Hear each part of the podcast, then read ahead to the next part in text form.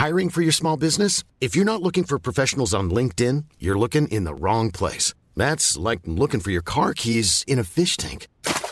LinkedIn helps you hire professionals you can't find anywhere else, even those who aren't actively searching for a new job but might be open to the perfect role. In a given month, over 70% of LinkedIn users don't even visit other leading job sites. So start looking in the right place. With LinkedIn, you can hire professionals like a professional. Post your free job on linkedin.com slash people today.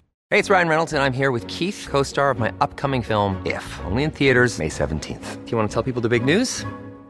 All right, I'll do it. Sign up now and you'll get unlimited for $15 a month in six months of Paramount Plus Essential Plan on us. Mintmobile.com slash switch. Upfront payment of $45 equivalent to $15 per month. Unlimited over 40 gigabytes per month. Face lower speeds. Videos at 480p. Active Mint customers by 531.24 get six months of Paramount Plus Essential Plan. Auto renews after six months. Offer ends May 31st, 2024. Separate Paramount Plus registration required. Terms and conditions apply if rated PG.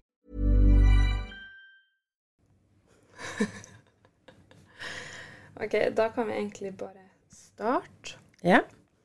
Cause one day we could be saying our goodbyes and hoping we filled up our whole lives with laughter and love. We just need to wake up now. Hei, eh, i dag har jeg besøk av eh, Sofie Nilsen. Hun er en eh, influenser, en forfatter og kanskje en youtuber. Hun kan få lov til å komme med en introduksjon sjøl, men eh, det er i hvert fall veldig veldig kjekt å ha deg her i dag, eh, Sofie. Jo, tusen takk. Det er kjekt å få være her også.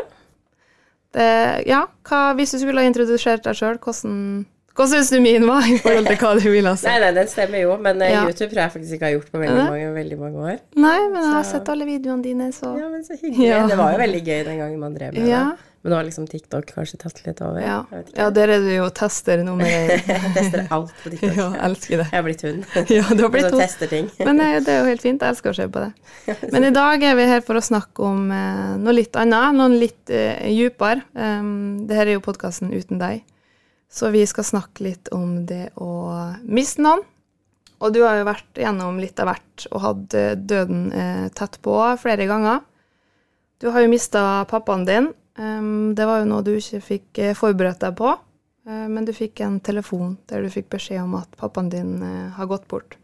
I tillegg til det så har du jo overlevd Utøya, om man kan si det sånn, og da var du kun eh, 16 år. Har du lyst til å starte litt med mm, pappaen din? Hva var han for deg? Eh, oi, godt spørsmål. Nei, han Altså, åpenbart så var han jo pappaen min. Eh, men pappa hadde sine ting å stri med, så pappa for meg var da, Når han var en god pappa, så var han en god pappa. Når han ikke var en god pappa, så var han ikke en god pappa.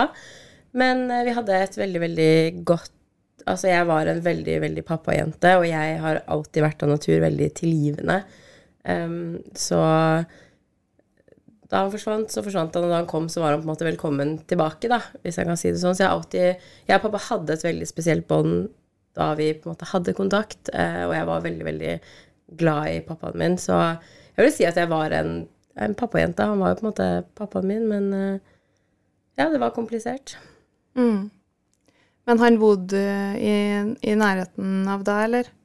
Nei, pappa er fra Pappa bodde i Tønsberg, og mamma er fra Tromsø. Ja. Så eh, jeg flytta jo ikke til Tønsberg før etter pappa døde. Mm. Så vi har aldri på en måte Hvis jeg skulle besøke pappa, så måtte jeg fly fra Tromsø til Tønsberg. da Henta Ja. på Gardermoen, så kjørte vi Eller Tønsberg er feil å si. Nøtterøy.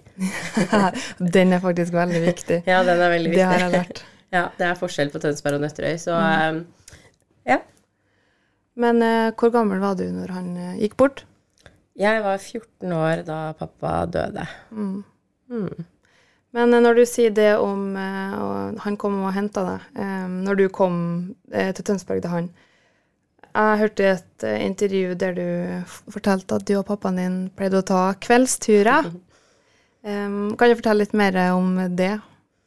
Jeg har alltid vært veldig glad i bil fra jeg var liten. Det er ikke sånn typisk jentegreie, men jeg har alltid likt å liksom kjøre bil. Det er på en måte min litt terapi. Jeg kan mange ganger bare sette meg i bilen alene og høre på musikk og bare kjøre og ikke ha noen destinasjon. Eh, og mamma hadde, har ikke lappen enda, hadde ikke lappen en gang da. Så det var liksom litt sånn luksus å komme til pappa, og at han hadde bil og kunne kjøre til butikken og bare kjøre overalt. Så det var liksom Pappa var veldig flink til å ta oss meg og søsteren min når vi kom på besøk, så pleide han å liksom kjøre rundt i Tønsberg og være sånn 'Å, det huset der er hjemsøkt', og vi pleide, å dra på sånne turer. Og så til slutt så ble det bare min og hans greie. Vi pleide å liksom kjøre ut og bare dra på kveldsturer og kjøre steder og gå ut av bilen og bare prate. Eh, og det er på en måte kanskje det fineste jeg har med pappa. Det er alltid liksom de tingene jeg ser tilbake på, da. Som, som fine minner. Har du en spesiell episode eller en spesiell kjøretur eller ja, samtale dere hadde? Husker du noe? Ja, altså jeg vil kanskje si jeg var jo hos pappa mm, på besøk Nå husker jeg ikke nøyaktig hvor lenge før han døde, men det var på en måte mitt siste besøk hos han da, før han døde. Og da kjørte vi kveldstur kvelden før jeg skulle hjem, og da hadde vi en veldig sånn seriøs prat. Da var det liksom var veldig viktig for han da at eh, jeg tok lappen, og at eh, jeg gjorde noe bra med livet mitt, og da hadde vi liksom en litt sånn mer voksenprat, da. Um, så den ser jeg liksom Husker da jeg fikk lappen, så var det veldig sånn Yes, jeg klarte det, på en måte. Så den eh, Den, ja, den turen satte seg. Mm. Mm.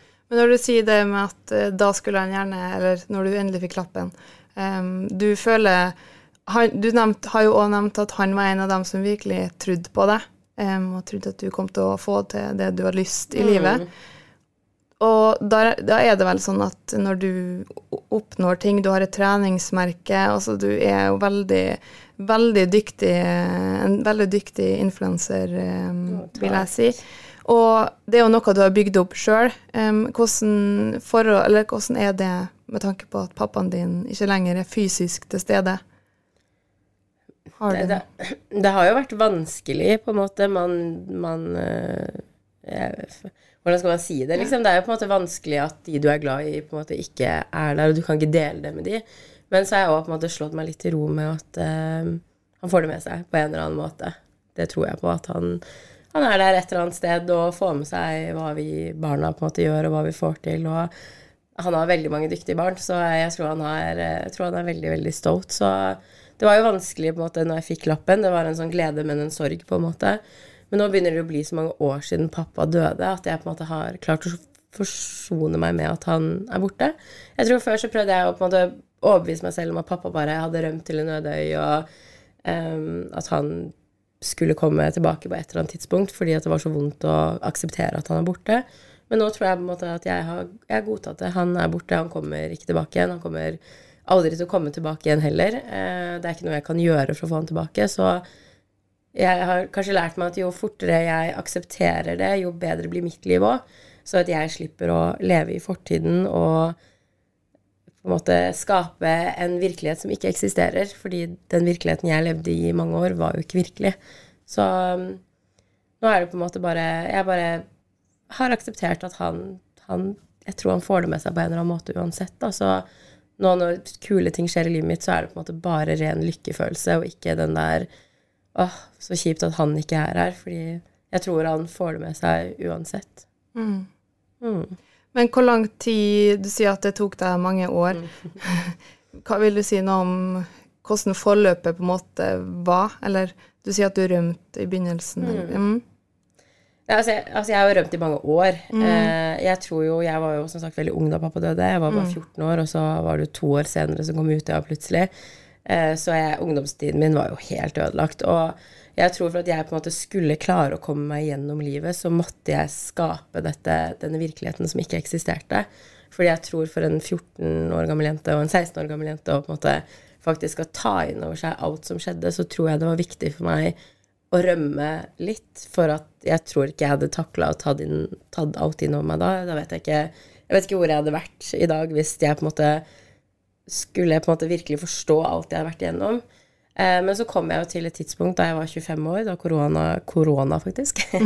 da korona kom. Eh, fordi min rømningsvei har alltid vært å reise. Jeg har bare satt meg på et fly og latt som at problemene mine ikke har eksistert. Og så når de har på en måte begynt å ta meg igjen, så har jeg satt meg på et nytt fly. Um, og det er jo ikke en måte å leve på. Å rømme fra det. det. Du klarer kanskje å rømme fra det en liten periode, og så tar det deg igjen til slutt. Eh, og da tar det deg kanskje igjen ti ganger hardere enn hvis du på en måte hadde tatt tak i det når det kom. Så da korona kom jeg ikke kunne sette meg på et fly lenger, så var jeg sånn Ok, nå må jeg sette meg ned med problemene mine. Jeg må stå i de. Jeg må ta tak i de én etter én. Og Jeg er så takknemlig for korona. Jeg vet det er kanskje veldig få mennesker som kan si det, men livet mitt ble totalt endra av korona fordi at jeg bare var sånn Jeg begynte å ta tak i ting. Når jeg ikke kunne rømme fra det lenger, så måtte jeg bare Ok, hva er det som plager meg? Hva er vanskelig? Og så begynte jeg å liksom jobbe med det, og livet mitt er så sinnssykt bra nå. Eh, og det er på en måte Jeg trodde aldri livet skulle bli bra. Jeg trodde bare at livet mitt skulle være helt forferdelig for resten av livet. Men eh, livet er til hva man gjør det til selv. Og jeg tror at når man Jeg tror man til slutt kommer Jeg kom i hvert fall dit til slutt at jeg var så lei av å ha det vondt at jeg var sånn Jeg kan ikke fordi livet er så mye. Livet er så, man, man er heldig for å være i livet. Tenk så mange sædceller som kjempa om den plassen, plassen du fikk, liksom. Det er jo millioner. Du er jo dødsheldig som sitter her i dag. Du er to av dere som alltid skal være så positive. Jo, men det er bare sånn seriøst. Jeg irriterte meg over positive mennesker før, men nå har jeg bare blitt sånn Livet er faktisk en gave, og at vi er født i Norge, at du har et sted å bo, at du har mat i kjøleskapet ditt, at du har venner Det er så mye ting å være takknemlig for. Og ja, nei, jeg har ikke bare positive dager. Jeg er jo ikke rundt og bare sånn Å, katten min døde, men livet er bra. Det er liksom det er ikke, Jeg er ikke der. Jeg har kjipe dager, jeg òg, men jeg er blitt mye mer flinkere til å fokusere på det positive, fordi at livet er faktisk veldig, veldig, veldig bra. Og man har så mye ting å være takknemlig for, men ofte så er det disse negative, vanskelige, kjipe tingene som tar plassen. Og da klarer man ikke helt å se hvor mye fint man faktisk har rundt seg, da. Men hva, har du noen, noen tips der, eller sånn Hva gjorde du eh, sånn rent praktisk? Eh, had, ja. Nei, hva skulle jeg si? Nei, det var det. Eh, under covid, da, når du, når det endra deg som måten du så på livet og den type ting, hva, hvordan bestemte du deg, eller hvordan løst du begynte å løse eh, problemene? Eh, Jeg slutta å booke flybilletter. Nei da. Ja, Eh, ja, ja, det, det var faktisk men- den hovedtingen. Men Ja, ja. så begynte jeg å lese bøker. Um, så jeg snakka litt om her i stad. Sånn, Du må begynne å lese bøker. Jeg elsker å lese bøker. Det har vært min sånn go to-terapi. Fordi jeg har prøvd å gå til psykolog, og jeg har veldig vanskeligheter for å åpne meg opp på liksom de vanskelige, vanskelige, vanskelige tingene. Sånn hvordan har du det i dag, eller hvordan fikk det deg til å føle? Eh, det sleit jeg veldig med før, så jeg prøvde forskjellige psykologer, og psykolog i Norge er litt vanskelig. Eh, det er ikke bare liksom å si hei, jeg trenger hjelp, og så blir den hjelpen kasta på deg. på en måte. Det er veldig vanskelig å få hjelp i Norge. Og jeg tror de gangene jeg var heldig å få en psykolog jeg klarte å åpne meg opp til, så hun første jeg fikk etter Utøya, hun skulle begynne på voksenopplæring, så jeg mista henne. Og så fikk jeg en ny en jeg hadde null kjemi med, og da fikk jeg skrekken mot å gå til psykolog. Og så prøvde jeg igjen i voksen alder, eh, gjennom måte, det offentlige. Og der ble jeg satt med en psykologstudent, og jeg sa at jeg ikke ønska han, jeg ønska selve psykologen, så fikk jeg psykologstudenten likevel. Så da fikk jeg en ny skrekk, eh, og så klarte jeg å psyke meg opp til å få psykolog enda en gang. Og midt i behandlingen vår så fikk hun ny jobb og måtte flytte. Så jeg fikk liksom litt sånn psykologskrekken, og um, jeg tror jo Nå ville jeg jo sagt psykolog, eh, men psykolog er ikke for alle. Nå når jeg på en måte har healed veldig, så vil jeg si at eh, jeg kunne lett gått til psykolog nå. Elsker å få utløpt av følelsene mine, men jeg likte det ikke den gang da. Så bøker um, var veldig god hjelp. Der følte jeg hadde en psykologtime. Så har jeg ikke lest sånn krim og romaner, og jeg har på en måte lest selvutviklings, altså selvutviklingsbøker. Så jeg har hørt mye på podcaster, jeg begynte å manifestere, jeg begynte å fokusere på det positive. Og bare jobbe med mindsetet mitt, på en måte. At jeg var sånn istedenfor at jeg våkna opp hver dag og fokuserte på pappa er død, og jeg var på Utøya, og jeg har angst, og livet er kjipt, så begynte jeg heller å legge fokuset mitt på de positive tingene. Og det er ikke bare så enkelt som det at du bare våkner opp og bare 'Å, jeg elsker livet mitt'. Det er jo en konstant jobb du må gjøre hver eneste dag. Men jeg er så takknemlig for at jeg har lagt tid i den jobben. Eh, fordi at livet blir liksom så mye bedre. Veldig, veldig fint sagt. Eh, men når du nevner bøker nå, har du tips til hvis det er andre som eh, kanskje føler litt det samme som deg, for det er jo helt forferdelig trist å høre det at du Du prøvde jo psykolog mange ganger her, eh, og du er nok ikke alene med den historien. Jeg vet ikke om du husker noe, men om du har noen Har et tips til en bok som du følte traff deg veldig? Den første boken jeg starta å lese, var The Secret, eller Hemmeligheten, som den heter på norsk. Det er en veldig, veldig gammel bok. Og den handler liksom om det her med manifesting, og jeg har alltid trodd på det til en viss grad, men da har jeg begynt å bli obsess med det. Så jeg leste først den boken. Eh, og den var på en måte For det handler ikke bare om sånn Jeg tror veldig mange tenker at manifesting er liksom sånn du skal tenke at du er rik, og så våkner du opp rik. Det, det er ikke manifesting i det hele tatt. Og så leste jeg den boken, så ble jeg litt introdusert for et nytt tankesett. Eh, så det var den første boken jeg leste. Og så var jeg eh, Så var det Sofie Elise. Jeg sa til Sofie, for hun, hun er jo også veldig opptatt av bøker, så jeg sa sånn Herregud, jeg leste Secret, den er dritbra. Hun bare nei, nei, nei, du, neste bok i bokklubben min, så kommer Munken som solgte sin Ferrari. Hun bare jeg sender deg den, den må du lese. Så leste jeg Munken som solgte sin Ferrari, og wow. Den òg Seriøst, de bøkene der, det bare Jeg tuller ikke når jeg sier at de bøkene faktisk oppriktig redda livet mitt. Eller ikke redda Ja. livet mitt, men de redda hvordan jeg har det, på en måte. For jeg var på et veldig, veldig mørkt sted uh, i mange, mange år. Og så begynte jeg å lese de, og så bare Det åpna opp en helt ny måte å tenke på. Og det satt ord på ting jeg føler kanskje ikke at andre har satt ord på til til meg. Så det var de to bøkene jeg starta med, og etter det så bare begynte jeg å søke på masse bøker. Jeg følger jo han der Jeg er veldig dårlig til å uttale navn. Eh, Jay Shetty. Jay Sherry. Jeg er veldig dårlig på å vite hvem noen er, så Han eh, Du har garantert sett han. Han Ja, ja. er verdens beste menneske. Altså, jeg legger ut ofte han. Han er liksom psykologen min uten å vite det. Og han har en bok som heter 'Tenk som en munk'. Og jeg er blitt helt obsesst med munkemindsettet, for de bare De ser på livet veldig annerledes enn kanskje det vanlige mennesket, hvis jeg kan si det sånn. Um, så det er på en måte de tre bøkene, og han som person, menneske, jeg hører på podkasten hans, Uh, han, har veldig, han er veldig flink til å sette ord på ting. Så istedenfor å bruke tiden min, som jeg gjorde før, på å scrolle på liksom uh, TikTok og Snapchat og Instagram på å se liksom bikinibilder, og ikke at det er noe gærent, men å liksom klikke på overskrifter som er sånn 'Jeg hater hun', du skjønner hva jeg Mm, mener? ja, At jeg brukte veldig mye tid på det før. Så begynte jeg heller å følge mennesker som utvikla meg.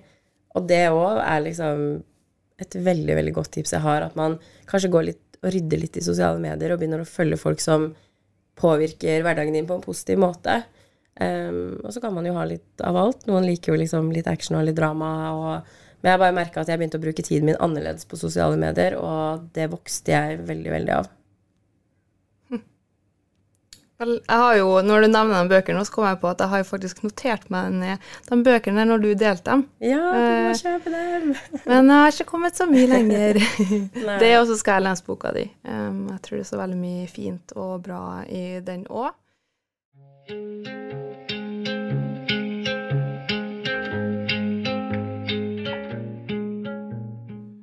Nå har det jo kommet et veldig godt stykke på vei, men tror du det er noe som um, kan på en måte sette deg tilbake, eller sånn Har du noen gang tenkt på f.eks. hvis du har lyst til å gifte deg, eller litt sånn større dager i livet der du gjerne skulle hatt pappaen din der? Altså, jeg vet jo at eh, hvis jeg noen gang kommer til å gifte meg, så kommer han jo til å være dypt savna. Um, men jeg prøver Det høres som sagt kanskje veldig lett ut for meg å si, men jeg har kommet en så lang vei at jeg bare er sånn Jeg har bare akseptert det. Og det høres sikkert superenkelt ut av meg å si at jeg bare aksepterte, men det tok meg jo Jeg var 14 år da pappa døde, og jeg begynte ikke å få det bra før jeg kanskje var 26. Så det har vært en veldig, veldig lang prosess. Um, og jeg vet jo 100 jeg kommer nok til å gråte og være lei meg eh, på bryllupsdagen min hvis den kommer, for at han ikke er der. Men så kommer det til å være så mye annet fint òg, på en måte. Og jeg prøver å på en måte fokusere på Jeg savner han jo hver dag. Men ha- jeg vet jo at hvis pappa kunne komme til jorda og bare sagt en ting, så hadde han sagt sånn Gå og lev livet ditt. Ha det bra. Jeg har det fint der jeg er nå. Eh, please, ikke bruk tiden du har her på å sørge over meg. Jeg vet jo at han vil jo oppriktig at jeg skal ha det bra. Så jeg vet jo at jeg kommer til å kjenne på at han ikke er der på bryllupsdagen min, men jeg blir liksom sånn at det tar jeg når det kommer. Um, for før så levde jeg veldig mye i fortiden, og så stressa jeg veldig mye med fremtiden, og nå prøver jeg bare alt jeg kan for å bare be in the moment, men jeg vet at det kommer til å bli kjempe, kjempe, kjempevanskelig og rart at han ikke er der. Um, jeg har jo andre søsken som på en måte har gifta seg, og uh, han ikke var der. Og det, det, er en, det er jo rart, for det er jo en stor dag, men eh, Og så tror jeg Jeg tror virkelig på det når du sier at uh, man skal si 'går fint', eller hva skal jeg si. For at eh, nå er det ikke så lenge siden min eh, pappa gikk bort, men man har kanskje allerede kommet litt der at det, det ehm, Man har akseptert at han ikke kommer tilbake sånn For jeg er jo litt voksen når jeg har mista han, da. Um, Ja, som er på en måte eh, Han er ikke lenger, og så er det nesten sånn at du Så prøver å tenke sånn hvordan det var å typ ta på han, eller liksom sånn å stryke, og det, det føles allerede liksom så fjernt. Så ja, jeg tror på det du sier om at eh, Ja, du, så langt som du har kommet, da. Det er veldig imponerende. Takk. Men det skal jo sies, som jeg har sagt, at det er jo mange faser man skal gå gjennom, og det har vært en lang vei. Det er all, sånn at jeg kan sitte her i dag og faktisk ha det bra, det skjedde ikke over natten. Det som jeg sa, jeg var 14 da han døde, og det er først nå, liksom i voksen voksen alder, at jeg har begynt å få det bra og forstå Altså, jeg brukte sikkert åtte år på å overbevise meg selv om at han eh, var på en eller annen øde øy, og at han en dag skulle dukke opp og bare være sånn Hei, her er meg igjen. Og så er det jo mange faser man skal gå gjennom. Jeg tenker at liksom første året når man mister noen, så er man veldig i sorg. Eh, og du har veldig mange rundt deg som støtter deg, som skjønner hvis du har en dårlig dag, som skjønner hvis du får et sinneutbrudd, som eh, forstår deg. Og så kommer kanskje den Går det kanskje to år, så går det kanskje tre år, og så har alle andre sine liv på en måte gått videre. Men du er fortsatt støkk i sorgen, og det er òg en veldig vanskelig periode, fordi du går fra å ha veldig mye forståelse og kjærlighet rundt deg, til at folk er sånn De forstår ikke helt, fordi har man ikke vært gjennom noe så traumatiserende og vondt selv, så man kan ikke forstå det. Jeg sliter enda når eh, jeg har mennesker rundt meg som går gjennom tap av en man er glad i, så sliter jeg enda med å vite hva jeg skal si, fordi jeg vet selv at det, det er så vanskelig. Det er ingenting som blir rett å si, på en måte. Det er ingenting som hjelper. Um, så det er liksom Det er mange prosesser man skal gå igjennom, um, og det tar, det tar tid. Vi er jo bare mennesker inn igjen, så det er jo rart hvis man mister en mor eller far eller en besteforeldre eller en onkel eller en søsken eller en nær venn, kjæreste, hva det måtte være, og så skulle man liksom bare vært lei seg en uke, og så skulle livet vært tilbake til normalt. Det er ikke sånn det, Når du mister noen, så det endrer deg for alltid. Du, du blir et nytt menneske. Du må lære deg en ny måte å leve på, være på, tenke på. Du skal på en måte bli kjent med deg selv på nytt igjen, da. Og det er ikke gjort over natten. Men når du nevner det med For det har jeg tenkt mye på. Eh, når du står stille, og så går på en måte andre sine liv videre, og når er det på en måte, når skal man slutte å spørre? Eh, hvordan takler man de forskjellige tingene? Hvordan har du eh, Hvordan ville du bli støtta på eh, da han gikk bort, eh, kontra nå? Godt spørsmål. Jeg tror helt ærlig ikke det fins noen rett måte å støtte noen på. Og jeg var jo som sagt bare 14 år da pappa døde, så vennene mine var jo bare fjortiser. Ja. Eh, og jeg husker jo jeg var så lei meg for bestevenninna mi. Eh, vi var min gamle bestevenninne, og vi, det er ikke sånn at vi er uvenner, vi, har bare, vi bare vokste fra hverandre.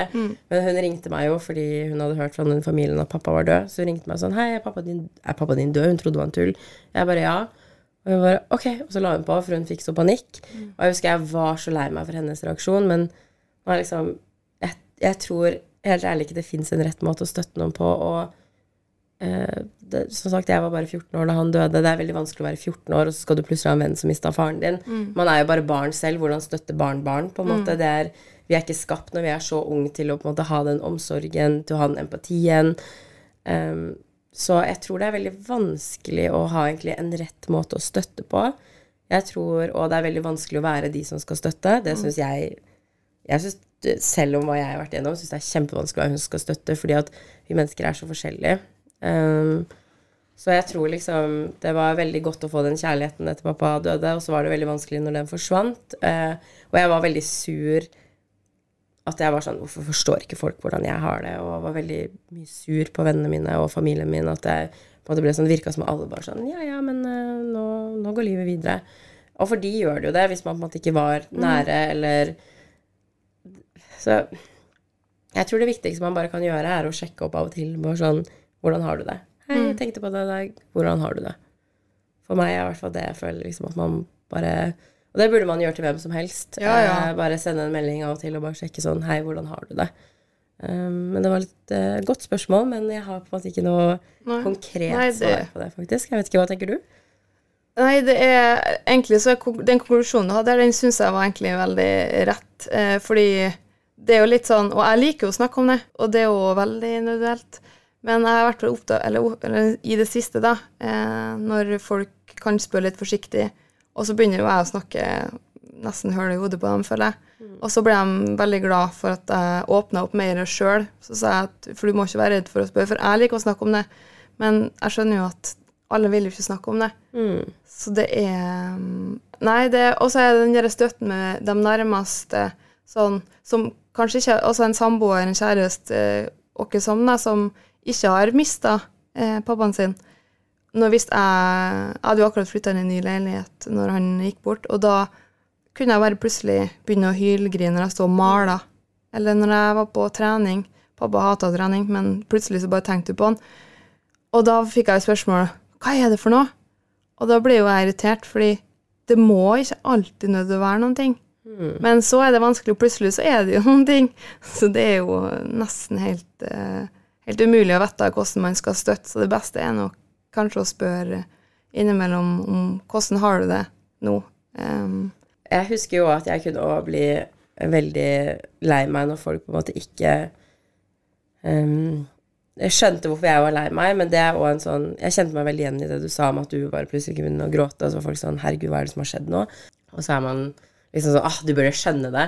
Men det er så vanskelig å være den støttende personen. Det, det er veldig vanskelig å være den personen som har gått gjennom noe, men det er også veldig vanskelig å være den støttende personen, fordi som jeg sier, jeg syns enda det er så vanskelig den dag i dag, for jeg er sånn Trenger du en klem? Eh, og så som du sa, du elsker å prate om ting. Jeg hata å prate om ting. Eh, og jeg ble nesten uvel når folk spurte meg sånn Hvordan har du det? Jeg bare Ja, det går bra. Men hvordan har du egentlig det? Så var jeg sånn Ikke spør meg om det. Eh, så man er jo veldig forskjellig. Nå har jeg blitt mer en prater. Nå sier jeg til alle vennene mine snakk det i hjel. Eh, fordi på den måten så kan du komme deg fortere videre gjennom da. Og jeg skulle ønske jeg ble hun som snakka om ting fortere, men det er, det er en veldig god egenskap. Eh, og ikke det at det, er en dår- at det er en dårlig egenskap at man ikke prater om ting, men det er en veldig god egenskap å klare å prate om ting, fordi det gjør livet ditt Det gjør prosessen og livet ditt enklere, fordi at uh, istedenfor at du går og holder det inni deg og eh, det bygger seg opp, så får du på en måte tømt deg og fått det ut, og så det, Jeg tror min Det som har vært vanskelig for meg, er at jeg ikke har prata om ting, så det har på en måte fylt seg opp, fylt seg opp, og så har det kommet ut for at noen sa hei til meg på feil måte, eller at eh, ja, da gjerne i en annen form. Ja. Altså i sinne. ja, i kjempe Altså, jeg var så sinna før, og jeg tror folk som kjenner meg, var sånn Her er du en sinna person? Jeg bare Jeg var så sinna før. Og derfor jeg hadde så mye aggresjon inni meg. Jeg husker at eh, jeg ble veldig obsesst med å rydde. em, Fordi det var så mye rot inni meg at jeg trengte det ryddig rundt meg. Eh, og eh, en ekskjæreste jeg hadde, han var ikke så ryddig. eh, og jeg husker jeg kunne bli så sinna på han for at han rota, for han gjorde det jeg hadde nok med at det var så rotete inni meg. Jeg trengte det ryddig rundt meg. Og han forsto det jo ikke, for han var jo ikke inni meg, og jeg sa det jo ikke. Jeg, han bare 'Å, du har så OCD, og, og du er unormalt ryddig'. Og jeg har den, den siden har jeg enda, fordi at jeg trenger ryddig rundt meg når det er kaos inni meg. Um, og mange, mange ser det bare på som OCD, eller at du er altfor ryddig, det må være slitsomt å være der, men det er min måte å på en måte finne roen, da. Og jeg husker spesielt et tilfelle der han tenkte sikkert at jeg var gal. Um, og da hadde han eh, Så skulle vi lage taco, så hadde vi en duk på bordet. Og så er jeg sånn, du fjern duken, for at ellers så griser vi garantert på den. Han bare nei, nei, det går bra. og han griser på den duken. Eh, og det var guacamole. Og det er jo bare å For vanlige mennesker hadde bare vært å putte den duken i vaskemaskinen, og det hadde vært liksom Men han messa liksom med det som ene som jeg trengte å ha ryddig på utsiden, så Mm. Han bare gjorde det rotete for meg, så så jeg den guacamoleflekken bare falt på den duken, og jeg mista det. Jeg klikka på han for en guacamoleflekk på duken, og han satt der som et sånn Han var helt satt ut. Han skjønte ikke hvor det der kom fra, for det er jo ikke sånn Ingen klikker for en liten flekk på duken, liksom. Men det var jo ikke han, og det var ikke flekken. Det var bare Det hadde bygd seg opp så lenge at det var den guacamolen på duken som liksom fikk hele begeret til å renne over. Og jeg spiste ikke maten min, jeg trampa ned, låste meg inn på rommet og hylgråt, og så snakka vi ikke før dagen etterpå. Men? Men ja, det er jo ikke han eller guacamolen eller flekken eller noen ting. Det er jo, men snakka du med han eller om noen andre du hadde en nær relasjon til, om det? Um, Nei. Nei. Jeg tror ikke på den tiden da så forsto jeg ikke helt selv hva det egentlig dreide seg om. Det er jo refleksjon senere i voksen alder at jeg skjønner liksom Ok, jeg reagerte sånn på grunn av det. Jeg, hadde, jeg måtte ha det sånn på grunn av at jeg hadde det sånn inni meg. Og han var òg en veldig eh, Veldig vanskelig person å prate med. Han var veldig lukka sammen som meg. Eh, og jeg husker jo på en måte da vi begynte å date, så var det på en måte tidlig på sommeren, og Pappa døde jo 3. juli, og så var det jo 22. juli, så juli er jo en litt sånn rar måned for meg, fordi det er to veldig sånn store ting som skjedde på samme måned. Og jeg husker liksom at han sa ingenting til meg, verken eh, på dagen pappa døde, eller under Utøya. Så han var en veldig sånn Jeg har mye fint å si om han, og han, var, han er ikke noe annet enn en veldig, veldig bra person, altså. Men, eh, men eh, det er som sagt vanskelig å være den støttende personen, og jeg tror at jeg hadde veldig mye bagasje. Og jeg tror at det er nok veldig Jeg husker jeg ble veldig upopulær en gang da jeg sa det på bloggen, men jeg står enda inne for det. Det er veldig vanskelig å være rundt mennesker som ikke har det bra selv.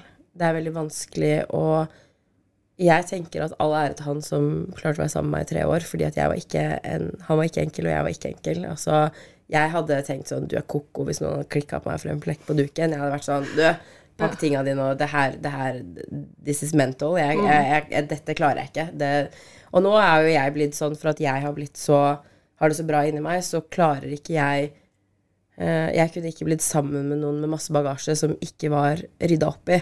Fordi det trigger meg igjen, eh, og tar meg tilbake.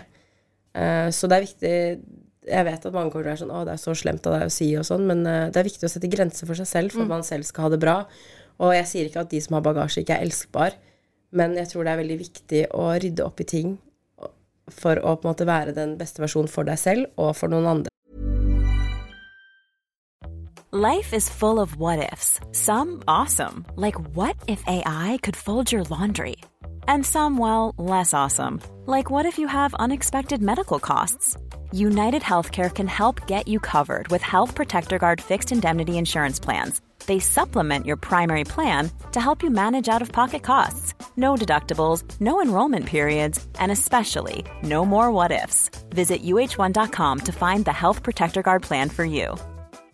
This is Paige, the co-host of Giggly Squad, and I want to tell you about a company that I've been loving, Olive and June. Olive and June gives you everything that you need for a salon quality manicure in one box. And if you break it down, it really comes out to $2 a manicure, which is absolutely insane. It's also so easy to get salon worthy nails at home with Olive and June. The difference between how your nails used to look when you did them yourself and now with the Manny system is a complete game changer. The best thing about Olive and June too is it's a quick dry. Dries in about one minute, lasts for five days, and full coverage in up to one to two coats. Visit oliveandjune.com slash perfectmanny20 for 20% off your first system. That's oliveandjune.com slash perfectmanny20 for 20% off your first system.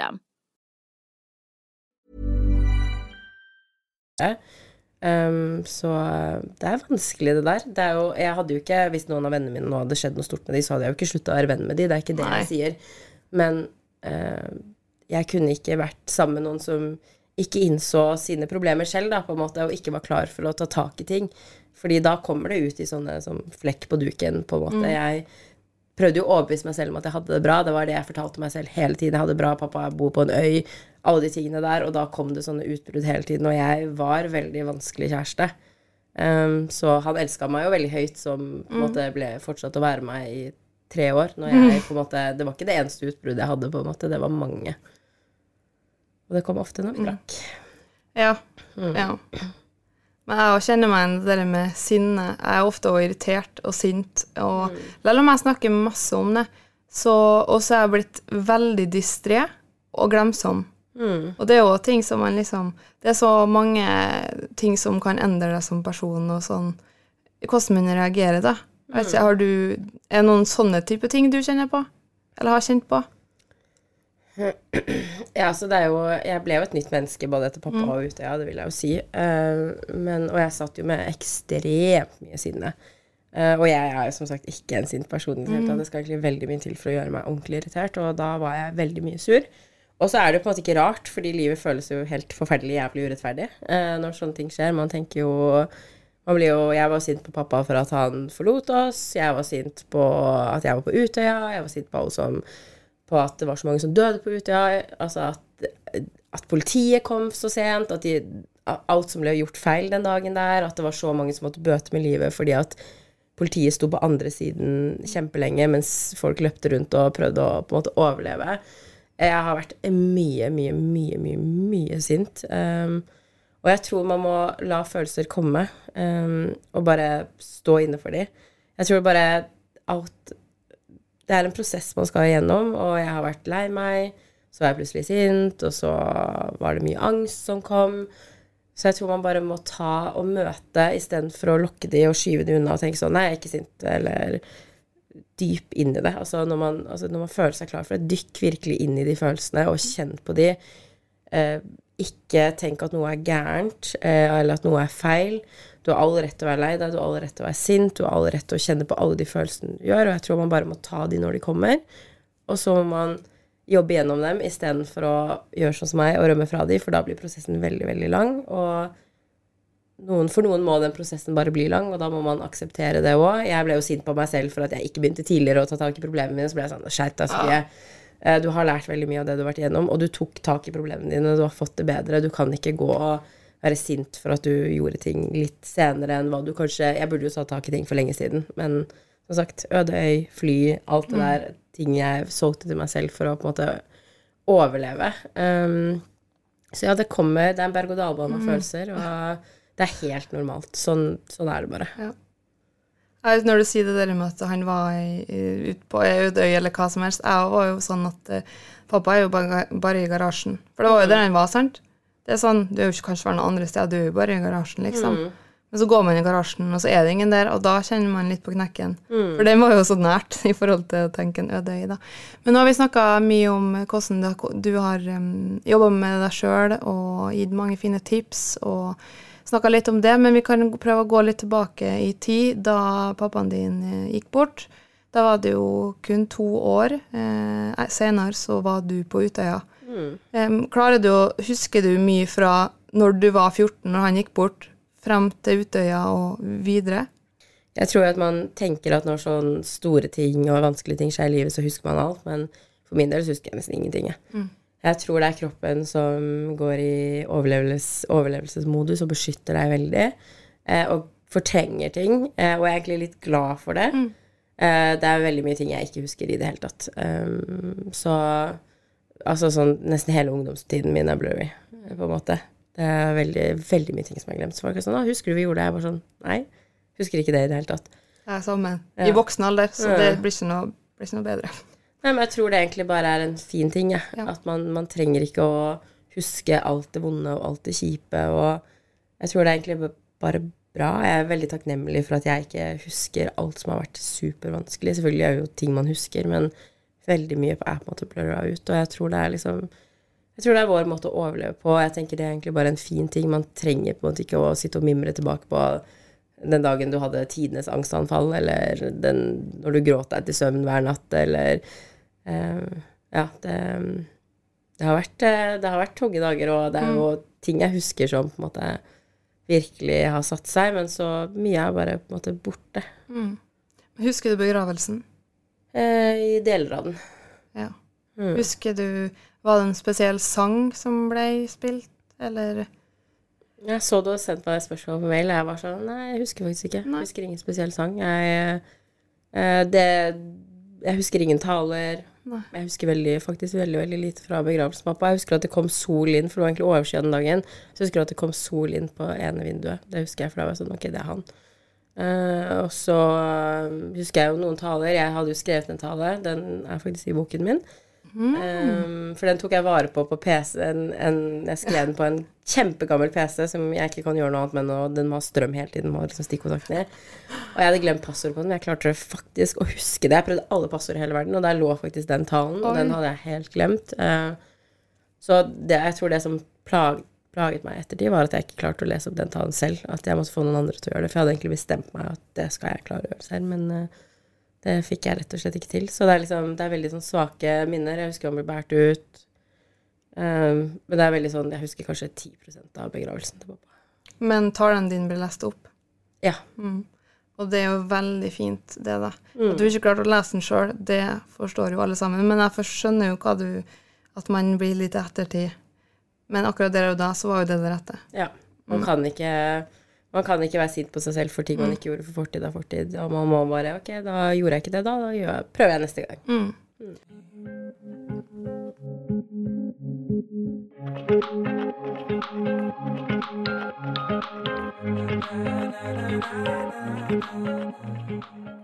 Men eh, da Og så to år etterpå så var du på Utøya. Mm. Um, for du var i, i AUF. Ja. Mm. Jeg har lyst til å høre eh, om du, hva du husker, opplevelsene du hadde, og ja. Mm. Eh, For hvis jeg ikke husker det feil, så gjemte du deg og hørte eh, skudd. Mm. Mm. Jeg vet, for det er jo litt sånn Hvor mye, hus, altså, hvor mye husker du fra den Fra dagen? selveste dagen. Ja. Eh, mye, men samtidig ikke mye. Mm. Jeg husker veldig mye, men samtidig er det veldig mye jeg ikke husker òg. Men jo, jeg var jo Jeg var for det første ikke politisk aktiv i, det hele tatt. Jeg hadde en venninne som sa det. 'Søte gutter på UTA mellom NHF. Um, jeg var der uh, i 2010. Uh, hadde tenkt å ikke være med i 2011. Så var det De ringte meg fordi jeg hadde allerede meldt meg på og betalt. Eh, og så ringte de meg bare sånn Ja, men du har allerede meldt deg på og betalt. Bli med, liksom. Så det, det var dagen før jeg bestemte meg for å bli med på UTA. Jeg var egentlig bestemt for at jeg ikke skulle. Fordi jeg hadde fått meg en kjæreste, jeg ville være med han, jeg hadde ikke lyst til å dra. Eh, så det ble en veldig, veldig spontan avgjørelse. Eh, endte opp på Utøya og mm, var egentlig der og kosa meg veldig. Høres kanskje rart ut å si. Kan, jeg si glad for at jeg dro? Eh, nei, det Altså, nei. Eh, Jeg, sitter jo igjen med mye mm. bra på en måte av Det høres så fucka ut når man sier sånne ting, men jeg er sånn, ok, jeg kan ikke endre fortiden min. Jeg kan ikke gjøre noe med det. Da er jeg takknemlig for alt. Jeg hadde ikke vært den jeg er i dag uten alle mine opplevelser, så de dagene vi hadde på en måte før uh, skytingen, veldig glad for at jeg fikk oppleve de og være med uh, mange av de menneskene der, og det var veldig mye fint som på en måte skjedde før 22. juli, så jeg er jo takknemlig for at jeg sitter igjen med de minnene òg. Eh, at jeg var der og fikk oppleve helt fantastiske dager med venner, og vi hadde det utrolig gøy. Så det er på en måte, jeg er glad for at jeg fikk de opplevelsene, og at jeg fikk være rundt uh, og tilbringe tid rundt mennesker som ikke er her mer. Um, Fikk frysninger. Gjorde du det? Ja. Uh, men ja, skytinga begynte jo Det var jo først bomba i Oslo, og da ringte jo mamma meg og var helt, uh, hun hadde helt panikk fordi søsteren min jobba på det tidspunktet da i Oslo, men det gikk bra med henne. Um, og så var hun sånn åh, jeg er så glad du er på Utøya, du er på det tryggeste stedet i hele verden, og det tenkte vi alle. Um, hun bare hold deg der, eh, bli der, ikke tenk på For man kunne jo ta båten over til andre siden og dra på noen sånne kiosker, eller jeg husker ikke helt hva det var. Hun bare bli der. Um, og så hadde vi jo møte angående Utøya på i hoved... Jeg husker ikke hva det heter. Hovedhuset. Hovedhuset, ja. Så fikk vi litt informasjon om hva som hadde skjedd, og så var det sånn ja, vi prøver å kose oss så langt det kan gjøre i dag. Vi lager pølser og ja. Så hadde det jo regna så ekstremt mye den dagen, så jeg var på vei ned til et bygg som heter Skolestua, fordi der kunne man liksom tørke, da. Mm. Det var de som hadde pollen og sånn, de fikk liksom sove i det bygget. Så var det dusjer, og man kunne liksom, hvis man hadde våte klær, så kunne man dra dit og tørke de. Så jeg og en venninne var på vei ned dit, for vi var klissvåte. Uh, og så var vi på en måte ganske nærme eh, bygget når skytinga begynte, og skudd høres i, I virkeligheten høres det ikke i nærheten ut som det gjør på film engang. Vi var sånn Hva er denne lyden her? Eh, det høres ut som raketter. Uh, raketter minner meg veldig om lyden av skudd, så vi var sånn, begynte å se oss rundt der sånn Oi, er det noen som skyter raketter? Og så eh, var det folk fra Jeg glemmer det alltid, og så blir jeg alltid fortalt. Enten så er det Norsk Folkehjelp eller Røde Kors eller en eller annen sånn organisasjon var på Utøya, og da de hadde walkietalkies. Så det sto en rett foran oss og sa Så fikk han på sin walkietalkie at det er noen som skyter på Utøya. Eh, Dere hørte det, eller? ja, vi begynte jo å høre det vi Ja. trodde var raketter. Eh, og han bare sånn Ja, da fikk beskjed at det var noen som skøyt på Utøya. Og da var han sånn Kom inn her, kom inn her, kom inn her. Og psykologen min fortalte meg jo at man reagerer i sånne der situasjoner. Er det tre måter å reagere på. Det er enten at man løper, man stivner, eller at man kjemper imot, på en måte. At man, man skal ta de. Og jeg er 100% en stivner. Ja. Altså, jeg, bare, jeg ble stående liksom Han bare skyting, og jeg bare sto der helt opp på det. Jeg klarte ikke å Kroppen min bare ville ikke bevege seg. Så venninna mi måtte dra meg inn, og så kom vi oss inn på skolestua. Og da husker jeg liksom det kom masse ungdommer løpende inn. Han, de i den organisasjonen sto liksom og fikk inn folk. Og så husker jeg hun ene hadde blitt skutt i armen. Og jeg tenkte sånn Oi, hun har blitt skåret av en tornebuske. Det er liksom Det var min Jeg tenkte sånn Oi, hun har blitt kutta seg på en Det var Skudd var helt eh, Helt eh, Det kunne jeg ikke tenkt meg engang. Eh, Så sto vi inn på Husker jeg at vi ble stående inne i det bygget, og de låste til slutt døren, og de bare barrikader alle vinduer, så folk løpte rundt og liksom la madrasser foran vinduene og la ting foran døra, og, og jeg bare sto midt på gulvet helt stille. Jeg, jeg klarte ikke å røre meg. Det var liksom sånn, Jeg tenkte løp, gjør noe, men jeg, hele kroppen min stivna bare helt. Jeg, jeg klarte ikke å gjøre noe som helst. Jeg sto bare helt som en pinne på, eh, på gulvet. Og så kom til slutt venninna mi, og hun har jo mye takk for at jeg i det hele tatt er her i dag, vil jeg tro. fordi at hadde ikke jeg i det første vært i nærheten av det huset, jeg hadde jo bare stått jeg hadde bare stått der. Jeg, Ja. det var, jeg stivna helt. eh, Og hun var jo den som dro meg med på ting. Bare kom deg inn her, og liksom to, dro meg med makt, på en måte. Og jeg ville jo ikke inn i det huset in the first place, for jeg tenkte sånn Det er det letteste stedet å bli Ja. tatt. Altså, det, det er det siste, og vi hadde jo hørt om bombing i Oslo. Så jeg tenkte sånn Ok, hvis det kommer bomber, hvor er de bomber? Jo, selvfølgelig huset. Jeg hadde så lite lyst til å gå inn i det huset Man Det skal jo sjelden samle seg sånn egentlig, tenker man, og har jeg fått beskjed om i ettertid sånn Hvis noen ting Mm. skjer, spre dere, typ. Jeg vet ennå ikke hva som er rett å gjøre, for å være helt ærlig. Mm. Men jeg tror jo det huset der redda livet mitt. Um, så jeg sto, på, sto midt på gulvet der, og jeg husker de bare ned på bakken, ned på bakken, og jeg fortsatte bare å stå, og hun måtte liksom komme og hente meg, og så lå vi liksom en gjeng under sofaen. Uh, og da kom det fra en sånn sofa som man på en måte kunne legge seg under. Det høres rart ut å ligge under sofaen, men det var en høy sofa, så du kunne liksom ligge under på en måte sofaen. Så vi lå tre stykker der. Jeg lå ytterst. Og så kom han jo, og så tok han jo først tak i dørhåndtaket et par ganger for å sjekke om det var åpent. Uh, og det var det jo ikke. Og da begynte han å skyte inn gjennom glassruta. Og da husker jeg bare Da gikk jeg fra å være hun som skulle løpe, og da var jeg bare sånn jeg fikk, Plutselig fikk jeg panikk. Så mens han skyter inn, så reiser jeg meg opp og begynner å løpe liksom inn på et annet rom. Og jeg husker at jeg løpte jo over mennesker som lå på gulvet. Det var bare panikken i meg. Det var sånn helt ut av kroppen opp Nei, jeg klarer ikke å Det var helt eh, jeg, jeg visste ikke hvordan jeg kom meg fra A til B plutselig. Eh, det bare skjedde uten at jeg egentlig skjønte at det skjedde. Og da så satt jeg plutselig oppe i en køyeseng, og jeg var sånn Fy faen, jeg løp fra alle vennene mine. Nå sitter jeg her alene. Jeg skal dø liksom i den køyesenga her alene. Og heldigvis så kom jo Jeg hadde en liten sommerflørt. Eh, det høres jo ikke helt greit ut siden jeg hadde en annen sommerflørt i Tønsberg. Upsi. Eh, da hadde jeg Ups, jeg hadde plutselig to. Og da hadde han sommerflørt jeg hadde på hytta. Han kom heldigvis løpende etter meg. Sommerflørt nummer én, sommerflørt nummer to. her er sommerflørt nummer to. det er Utøya-flørten. Eh, da kom han løpende inn etter meg, eh, og da ble liksom vi sittende i den køyesenga egentlig helt til skytinga var over. Ok. Men tr tror du at du hadde vært Eller tror du du hadde gått derifra hvis ikke han kom, eller hvis ikke han var der?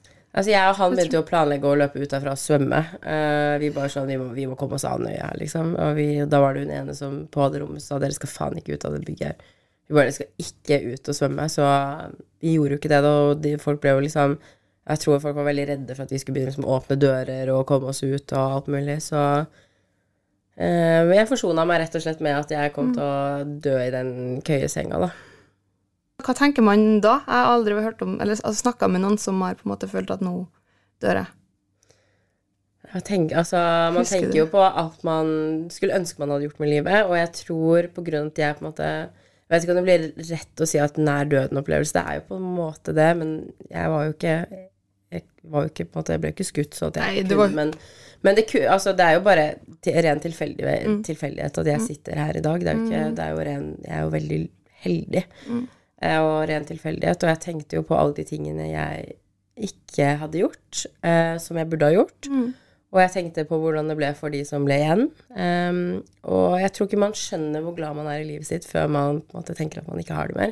Og jeg tror det er der mitt mindset har kommet veldig, eh, på det å faktisk være hun positive, være hun takknemlige. Og jeg sier jeg er ikke alltid den personen, men jeg tror ikke du skjønner hvor glad du er i livet ditt, hvor mye du har lyst til å ha det livet du har, frem til du føler at du ikke har det livet lenger. Til du tenker at ok, dette er min siste dag.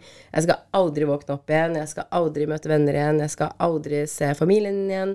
Jeg skal ikke få oppleve kanskje gifte meg, få barn, eh, reise, ta en utdanning. Altså alle de tingene der. Alle opplevelsene bare blir revet fra deg. Jeg tror ikke man skjønner hvor glad man er i livet sitt til man måte, kanskje plutselig ikke har det livet mer. Da. Eh, fordi at for oss er det bare når man våkner opp Jeg våkner opp enda og tar det som en selvfølge at jeg skal våkne opp, til tross for at jeg har vært så nær å tenke at jeg ikke kommer til å våkne opp igjen. Eh, så våkner jeg fortsatt hver dag og bare sånn Ja, jeg våkna opp i dag. Man, man ser egentlig ikke hvor heldig man er, og jeg tror det er der mitt mindset har kommet òg, at jeg bare er sånn det er ikke noen garanti at vi skal bli gammel. Og det høres kanskje dystert ut å si, men Du kan basically seriøst gå ut av gata, og en fyllekjører kjører over deg og dreper deg. Eh, det var jo en ulykke i Trondheim, denne heisekranen som kom inn Ja. i kjøpesenteret. Ikke sant? Hun var bare på jobb. Man, man vet Man har ingen garanti når din siste dag er, så jeg bare prøver å være liksom Fordi vi skal jo bare være her mest sannsynlig en gang. Jeg vil ikke tro på liksom, at du blir gjenfødt og alt det der. Eh, man skal bare kanskje være her én gang, så jeg prøver bare å gjøre det meste ut av det. Og som sagt, det var helt, helt, helt jævlig å sitte der og tenke at jeg skal dø. Helt, en, helt jeg, kan ikke, jeg kan ikke sette ord på den følelsen. Alt annet jeg kan si at man, man aner ikke hvor glad man er i livet sitt til man tenker at jeg skal ikke Bare det å liksom kunne klemme mammaen sin, eller det å kunne være med venner, kunne ta en telefon og ringe, alle de der tingene. Jeg bare Jeg skal aldri gjøre noen av de tingene igjen. Jeg skal aldri liksom Det her, det her er min siste dag på jorda i denne køyesenga. Det her er liksom Livet mitt er over nå.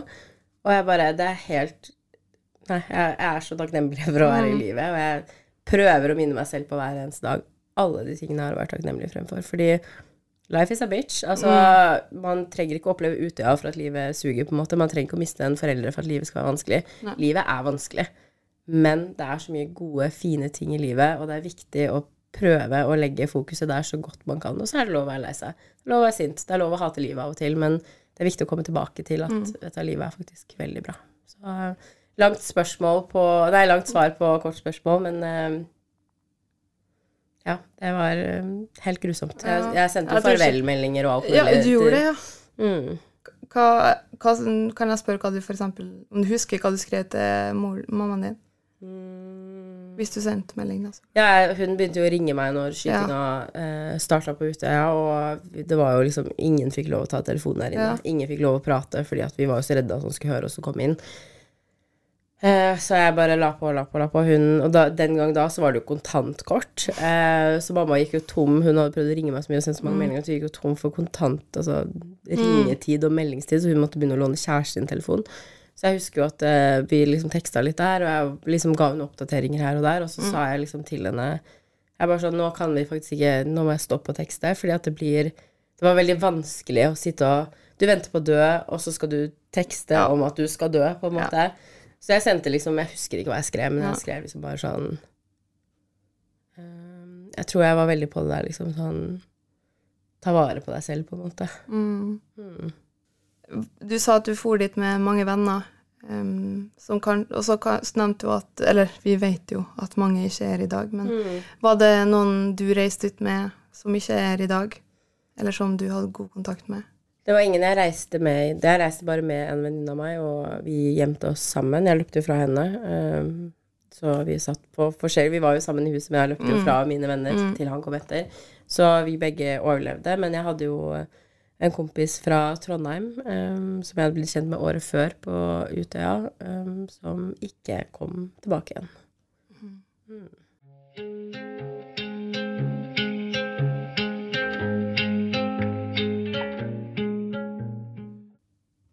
Jeg er veldig, veldig glad at du er i dag.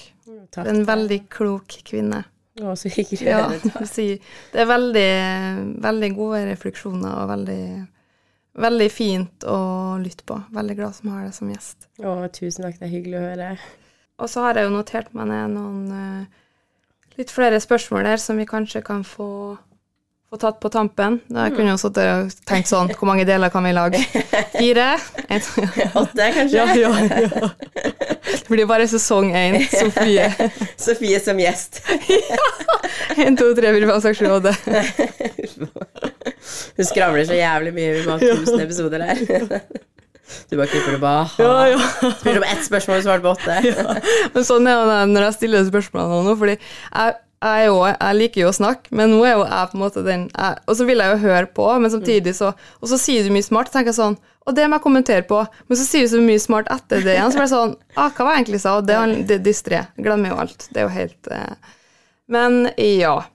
Eh, nå har vi jo både snakka om Utøya og pappaen din, eh, men tilbake litt til eh, pappaen din. Er det noe spesielt du gjør, eller vil gjøre, som minner deg om han? Mm. Nei, egentlig ikke. Jeg um, Han er eh, Det høres kanskje rart ut, men jeg prøver helt ærlig bare å la livet mitt gå videre. Uh, og jeg har jo pappa Altså, pappa kommer jeg aldri til å glemme. Um, han, er, han har jo en helt spesiell plass i hjertet mitt, så jeg prøver liksom bare å ha egentlig minst mulig av han er her, men jeg prøver samtidig å ha minst mulig av han i hverdagen min, fordi at, som sagt, jeg prøver bare å ha det bra. Og jeg vet at han vil at jeg skal ha det bra, men uh, hvis jeg savner han skikkelig noen ganger, så pleier jeg å høre på a-ha. Uh, fordi pappa var superfan av Morten Harket. Altså, pappa elska Morten Harket. Han, han kjøpte skinnjakke som Morten Harket. Han hørte, han tvang oss til å høre. Og, altså, jeg var 14, han døde. a-ha var, og Morten Harket var ikke kult da jeg var 14 år. ass. Eh, så jeg pleier å Morten Harket kom jo med sånn ett album eller noe sånn alene uten å ha ett eller to. Nå husker jeg kan være at det er mange flere. Altså, men det er noe de jeg husker med han, så mange ganger når jeg savner han veldig, så pleier jeg liksom å høre på de sangene bare for å liksom eh, ta litt Kjenne litt på det der når vi kjørte de kveldsturene, og alle de gangene han tvang oss til å høre på Morten Harket når jeg var sånn åh, jeg vil høre på Justin Bieber. Var sånn, nei, jeg vil ikke høre på Morten Harket. Så er det liksom Det var irriterende da, men nå er det veldig fint. Så Morten Harket gir meg liksom Det er Stakkars Morten Harket. Ja. Jeg føler Morten Harket er pappaen min. Det høres så rart ut å si, men det er sånn han minner meg, Morten Harket minner meg sånn om pappa, fordi pappa gjorde alt for å ligne på Morten Harket. Og jeg har hørt altså Morten Harket har jo vært en del av min oppvekst. Så jeg bare sånn, når jeg ser han på The Voice, jeg bare sånn, og jeg har sånn skikkelig sånn god, varm følelse rundt Morten Harket. Og jeg pleier å, pleier å høre på sangene hans. Um, og, så det er liksom Det var veldig spesielt i fjor på Stavern, for da hadde jo a-ha sånn et år der de spilte, og det å se de live, det var helt Altså, tårene bare rant og rant og rant. Det, det var sånn åh, jeg skulle ønske Og jeg vet at pappa hadde vært der, hadde han levd. Han hadde stått på første rad, altså, med sikkert caps og T-skjorte med Morten Harket, I love you. Så, altså, så det var veldig, veldig, veldig spesielt å um, se de live. Så de gangene jeg trenger liksom bare å sørge litt over han, så setter jeg på Morten Harket. Spanish Steps heter den sangen. Spanish, Spanish, uh, Spanish Steps. Span- ja. Spa Hvorfor klarer jeg ikke å si det nå? Spanish uh. Steps, Spanish, altså span spanske steg. Ja, Spanish steps. Det var litt vanskelig. Ja, det var, det var liksom mange S etter hverandre der. Så den pleier jeg å høre på når mm. jeg savner han ekstra mye.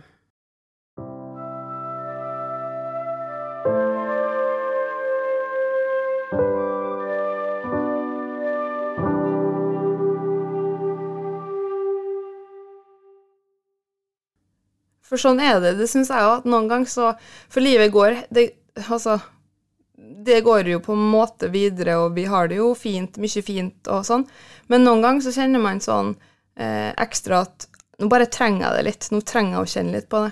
Og da er det sånn som du sier, det er fint at du setter på en a-ha-sang eller Morten Harket-sang. Og ja, jeg er litt sammen med litt sånn Nå husker jeg jo ikke alle artistene og sånn pappa hørte på, men jeg, før han gikk bort, så fikk jeg tak i Spotify-lista hans, som han eh, spilte mest av. Um, og så hørte jeg gjennom sangene, og så, så kommenterte han eh, Det er jo mange sanger jeg hadde hørt mange ganger, da, men sånn Å, den her minte meg om det, den her minte meg om det.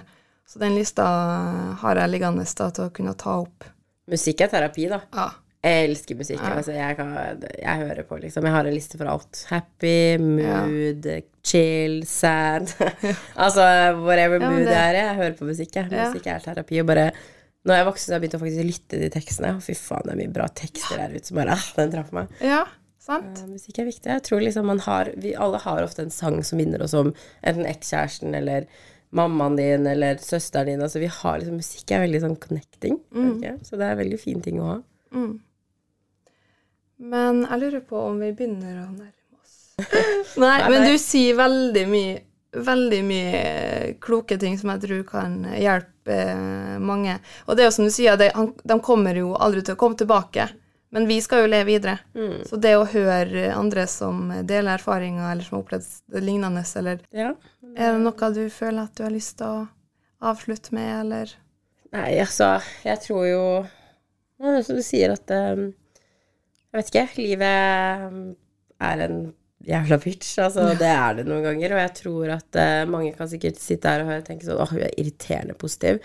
Men um, det tok meg mange år å komme dit. Jeg, trust me, Hadde du hatt det intervjuet her for åtte år siden, da hadde jeg vært veldig depressiv. Vært sånn, ah, livet suger, jeg hater livet, livet er urettferdig, jeg er sint. Jeg, altså, jeg har en gang vært der òg, men eh, jeg tror bare mitt beste tips er oppriktig å snakke det i hjel. Snakk om det så mye du kan til mennesker du stoler på, Hvis du føler at det ikke gir deg noe, gå og snakk med en psykolog. Hvis du kan, skriv en dagbok. Gjør alt for å tømme deg, eh, er mitt viktigste tips. Og jobb deg gjennom det. Det hjelper ikke å rømme fra det, fordi det er bare sånn et lite sår som gror, og så er det en liten skrape som kommer fra det minst uventa stedene, og så åpner såret seg igjen. Tenker på duken. Hæ?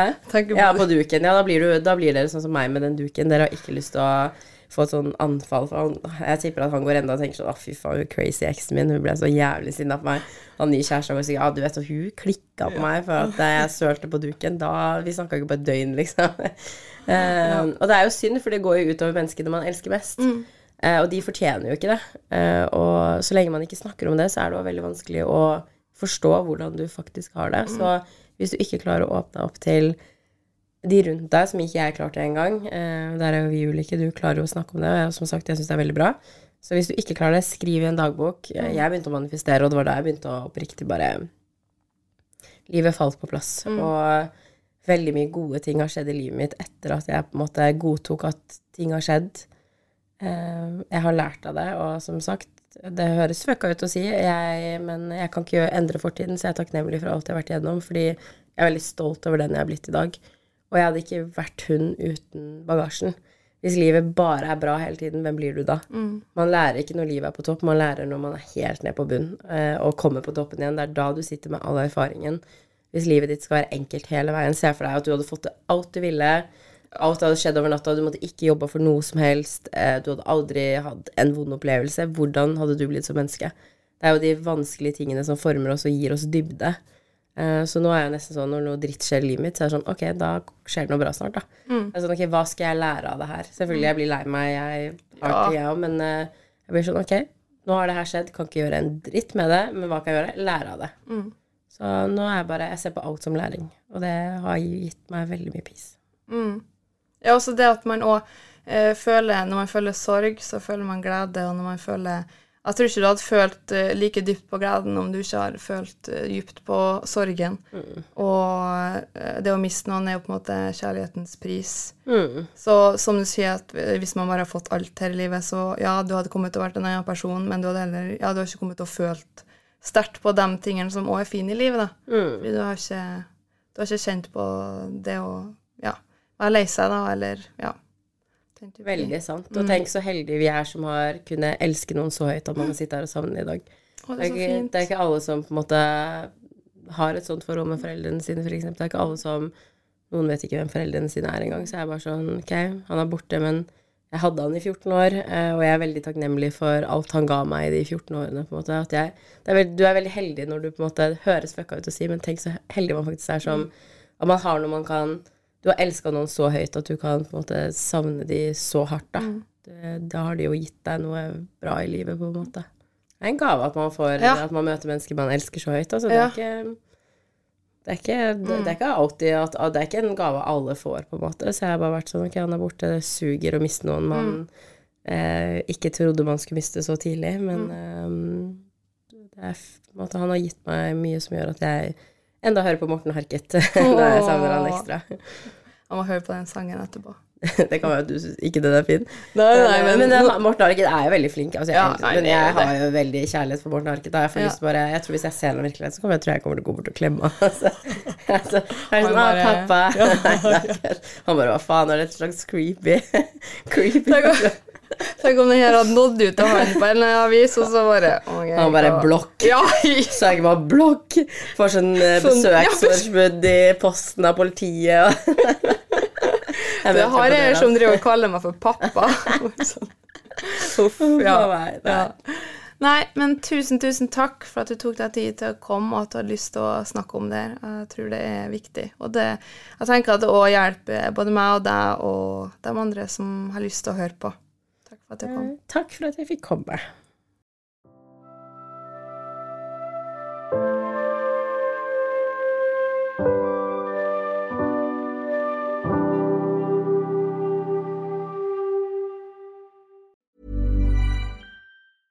Hey, it's Paige DeSorbo from Giggly Squad. High quality fashion without the price tag. Say hello to Quince. I'm snagging high-end essentials like cozy cashmere sweaters, sleek leather jackets, fine jewelry, and so much more. With Quince being 50 to 80% less than similar brands. And they partner with factories that prioritize safe, ethical, and responsible manufacturing. I love that. Luxury quality within reach. Go to quince.com slash style to get free shipping and 365 day returns on your next order. Quince.com slash style. Mom deserves the best, and there's no better place to shop for Mother's Day than Whole Foods Market. They're your destination for unbeatable savings, from premium gifts to show-stopping flowers and irresistible desserts. Start by saving 33% with Prime on all body care and candles. Then get a 15-stem bunch of tulips for just $9.99 each with Prime. Round out Mom's menu with festive rosé, irresistible berry chantilly cake, and more special treats. Come celebrate Mother's Day at Whole Foods Market.